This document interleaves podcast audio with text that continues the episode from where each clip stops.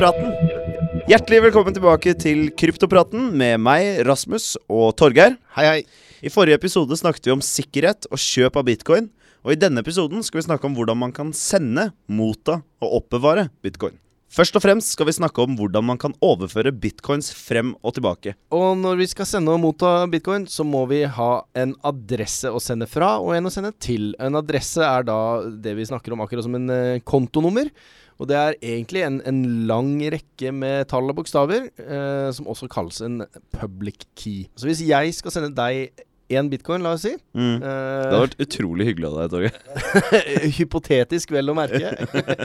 så, så må du først gi meg en adresse, så jeg vet hvor jeg skal sende henne til. Så det er altså en slags hybrid mellom kontonummer eh, du har i banken, og en e-mailadresse. Ja, det kan man egentlig si. Ja. Så når jeg har fått adressen din, så kan jeg da overføre penger til deg. Og det som er morsomt med bitcoin da, at det, til motsetning av en, en bankoverføring, hvor man liksom bare taster inn et kontonummer, og så håper man at man tasta riktig, og at det kommer frem. Mm. Så da kan man nemlig gå på blockchainen og, og spore denne, eh, disse pengene, og se at det, har det blitt registrert, denne overføringen, Mm. og den må da godtas i, i minst, eh, eller vanligvis, eh, seks omganger.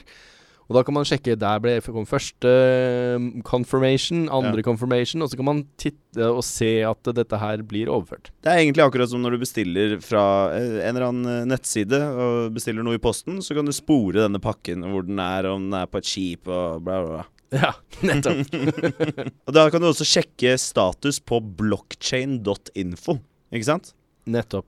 Blockchain Info er jo da den eh, offisielle hjemmesiden til eh, bitcoin-blokkjeden. Og, og der er det nettopp Da kan du se status på, på alle penger, alle bitcoin i hele verden. Og når du da har fulgt denne bitcoinen og sett hvordan den har eh, reist gjennom blokkjeden, og endelig kommer og tikker inn på din adresse, da Mm. har du pengene. Deilig. Ja. Men når du da endelig har fått pengene, så er det veldig viktig å ta godt vare på dem. Mm. Og en gyllen regel er jo Man sier gjerne at ikke la pengene bli være, værende på en sånn exchange. Ja, ikke, ikke la det ligge på den der trading-siden, for de, de, har, de er ganske utsatt, og flere av de har blitt hacka før. Mange ganger. Og da fins det masse sånne der- masse ordninger, masse sånne wallets, som vi kaller det. Eller lommebok, hvis du skal være fornorsket og kjip. Mm. Og kjip også. Ja, Uff, jeg er ikke noe glad i sånne fornorska ord. Det heter internett med én T, OK? Basta bom. Ok, fortsett. Yes. Det finnes forskjellige typer wallets. Noen av dem er veldig, veldig sikre. Nesten umulig å hacke.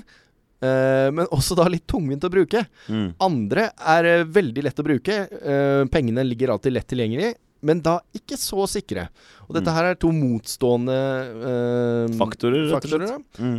Da de mest sikre er vanskelige, og, og de mm, letteste er usikre. Så derfor lønner det seg gjerne å ha minst to wallets, kan man si. Du Mm. har en supersikker en, hvor du har de store sparepengene dine, som eh, du forhåpentligvis skal leve på i god pensjon, og, Mm. og med pike, vin og sang. Og så har du eh, den lille brukskontoen din, som du kan uh, kanskje kjøpe deg en, en brus for, og en uh, kakebit innimellom. Og det fins masse forskjellige typer wallets. Du kan ha det på en nettside, f.eks. Du kan ha det på en app på telefonen din. Eh, du kan ta det på eh, en eh, minnepenn og liksom gjemme unna den. Du kan skrive ut hele, hele den der private, hemmelige koden på papir og gjemme det. Eller så kan du ta min personlige favoritt, som jeg syns høres kulest ut, og det er Brain Wallet. Oh yes. Mm, den er ganske kul. Ja, altså Egentlig er det jo ikke så kult. det bare høres veldig kult ut. Greia er jo da at du da får eh, en, en eh, lang sånn rekke ord, gjerne. En regle, rett og slett. Ja, det kan vi si. Mm. Uh, som det også kan være mulig å, å bestemme sjøl.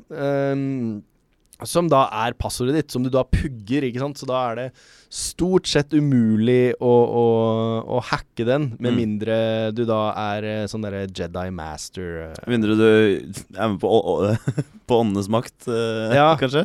Hun, hun Lilly Bendris. Eh, jeg ville holdt hun litt unna brainwalten min. Ja. Men den sikreste, som jeg har skjønt, er den du kaller hardware wallet. Ja, det er i hvert fall en av de aller sikreste. Det er da en sånn liten sånn dongel, eh, minner litt om en USB-stikk, som eh, da er designa spesielt for å være veldig vanskelig å hacke, Så du kjøper altså en sånn liten dings, rett og slett, rett og slett. som lagrer det. Ja. Nå har vi snakket litt om hvordan du kan sende, motta og oppbevare bitcoin. Men dette her er jo bare starten, Torgeir. Absolutt. Altså, bitcoin er jo den første og mest kjente. Men det finnes så mange flere. Det finnes så utrolig mange flere. Ja. Og vi skal i hvert fall prøve å dekke noen av de i neste episode. Da skal vi snakke om det som heter altcoins. Tusen takk for nå. Ha det bra. Monster.